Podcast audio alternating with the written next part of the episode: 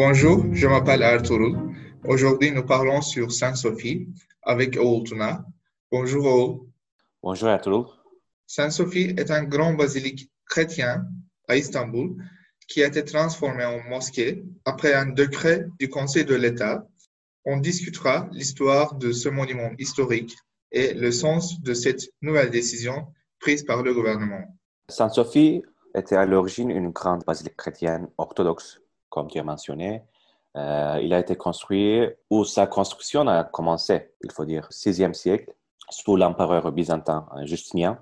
Mais il y a aussi des spéculations sur euh, son site. Il y a des historiens qui disent qu'il y avait un temple païen avant la basilique. Mais cette basilique a été comme un monument capital de l'orthodoxie sous l'Empire byzantin. Après la conquête d'Istanbul, 1453, sous Mehmet II, il a été transformé en mosquée. Donc, euh, plus d'un millénaire, il a, elle est restée comme une basilique. Puis, plus de quatre siècles, à peu près cinq siècles, il a été en mosquée. Mais en 1934, sous la présidence d'Atatürk, il a encore euh, été transformé en musée au Sainte-Sophie, qui vient du mot grec euh, de sagesse divine. Il a été un symbole pour tous les orthodoxes, pour tous les musulmans, mais la décision d'Atatürk, de, de la République turque qui a été séculaire, était préserver sa nature euh, multiculturelle, cosmopolite. C'était comme un message de préserver la paix et la tolérance. Mais il y a quatre jours, cinq jours, le 10 juillet 2020, sous la présidence d'Erdogan, Saint-Sophie devient ou redevient une mosquée. Et cette décision, bien sûr, enflammait beaucoup de débats dans le monde chrétien, euh, soit catholique, soit orthodoxe, dans le monde musulman et bien sûr à l'intérieur du pays. Saint-Sophie est aussi un monument particulier pour l'histoire d'art puisqu'il conserve plusieurs mosaïques byzantins euh, de l'orthodoxie en bon état depuis sa construction. Pendant qu'elle a été en mosquée à l'époque ottomane, les sultans, ils ont couvert euh, ces mosaïques qui reflètent euh, les meilleurs exemples d'art orthodoxe avec les images de Jésus-Christ, de Marie, sa mère. Après la transformation en musée, ces mosaïques, elles ont encore fois mis en lumière redevenus de bons exemples d'art byzantin. Maintenant, il y a aussi un débat sur le futur de ces mosaïques, des œuvres d'art, parce que selon la théologie islamique, selon l'islam, ces œuvres d'art sculptées sont interdites par Dieu, par Allah. Donc, euh, on considère maintenant qu'on peut témoigner une euh, destruction de ces œuvres d'art, ou bien peut-être elles peuvent être conservées avec des voiles pendant la prière musulmane. Et puis, les touristes étrangers au domicile peuvent visiter la cathédrale comme un monument historique. Elle a servi comme un musée pendant 86 ans, mais au cours de cette période, elle était le sujet des désirs et des revendications islamistes. Sa transformation en musée par Mustafa Kemal Atatürk est devenue une histoire mythique pour les nationalistes et pour les, pour les islamistes.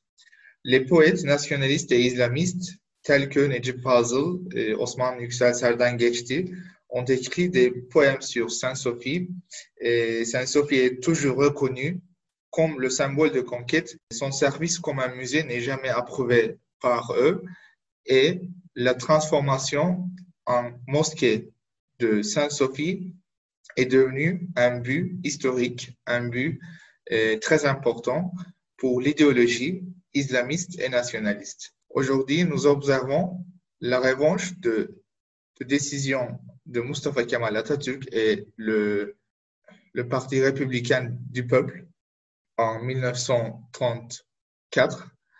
Mais je crois qu'il y a un sens plus important pour le parti pouvoir de la Turquie.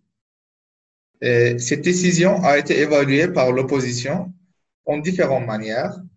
Premièrement, ça a été évalué comme un attentat polarisateur au sein de la société de la Turquie.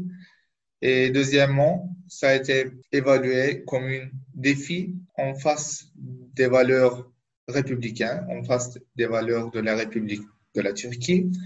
Et troisièmement, une, une essai de couverture de la crise économique existait en Turquie et ce qui est très lourd pour les, pour les jeunes, jeunes et pour les vulnérables. En fait, il y avait une grande opposition contre cette décision, mais aucune parti politique euh, a pu déclarer une opposition euh, en face de l'action du gouvernement. Pour mieux comprendre cette position des partis politiques d'opposition, il faut regarder les explications de Kemal Kılıçdaroğlu, le leader de, du parti d'opposition du Parti républicain du peuple.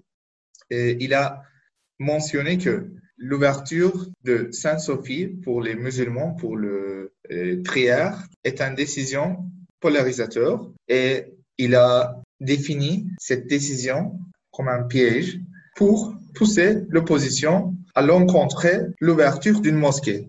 Donc, le gouvernement puisse créer une nouvelle polarisation entre ceux qui en faveur de l'ouverture d'une mosquée et ceux qui contre de l'ouverture de la mosquée. Si on pense encore une fois que cette mosquée est le symbole de la conquête d'Istanbul et donc l'histoire ottomane de la Turquie, on peut mieux comprendre la volonté de créer une polarisation entre deux côtés.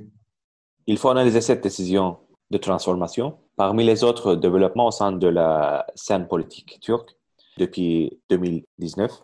Après la victoire de Ekrem İmamoğlu pendant deux élections municipales d'Istanbul contre Erdogan et son gouvernement, la popularité d'Erdogan, selon le sondage d'opinion, a été en basse. Il y avait deux facteurs qui ont effectué cet déclin d'Erdogan.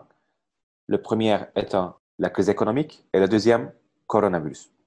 Plusieurs commentateurs et analystes pensaient que la transformation d'Aya Sofia de Sainte-Sophie serait comme la dernière chance d'Erdogan à influencer son base électorale, puisqu'il a été une revanche contre les valeurs républicaines, kémalistes, laïques. Cette décision peut être perçu comme un acte contre-révolutionnaire.